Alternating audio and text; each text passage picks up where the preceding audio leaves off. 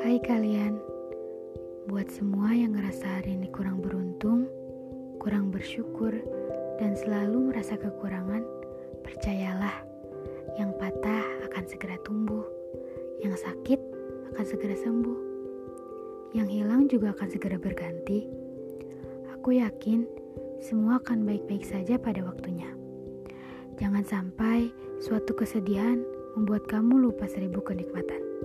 Terkadang segala sesuatu pergi meninggalkanmu, sedangkan Allah tetap terus bersamamu. Oleh karena itu, jadikanlah Allah selalu bersamamu, maka segala sesuatu itu akan tetap bersamamu.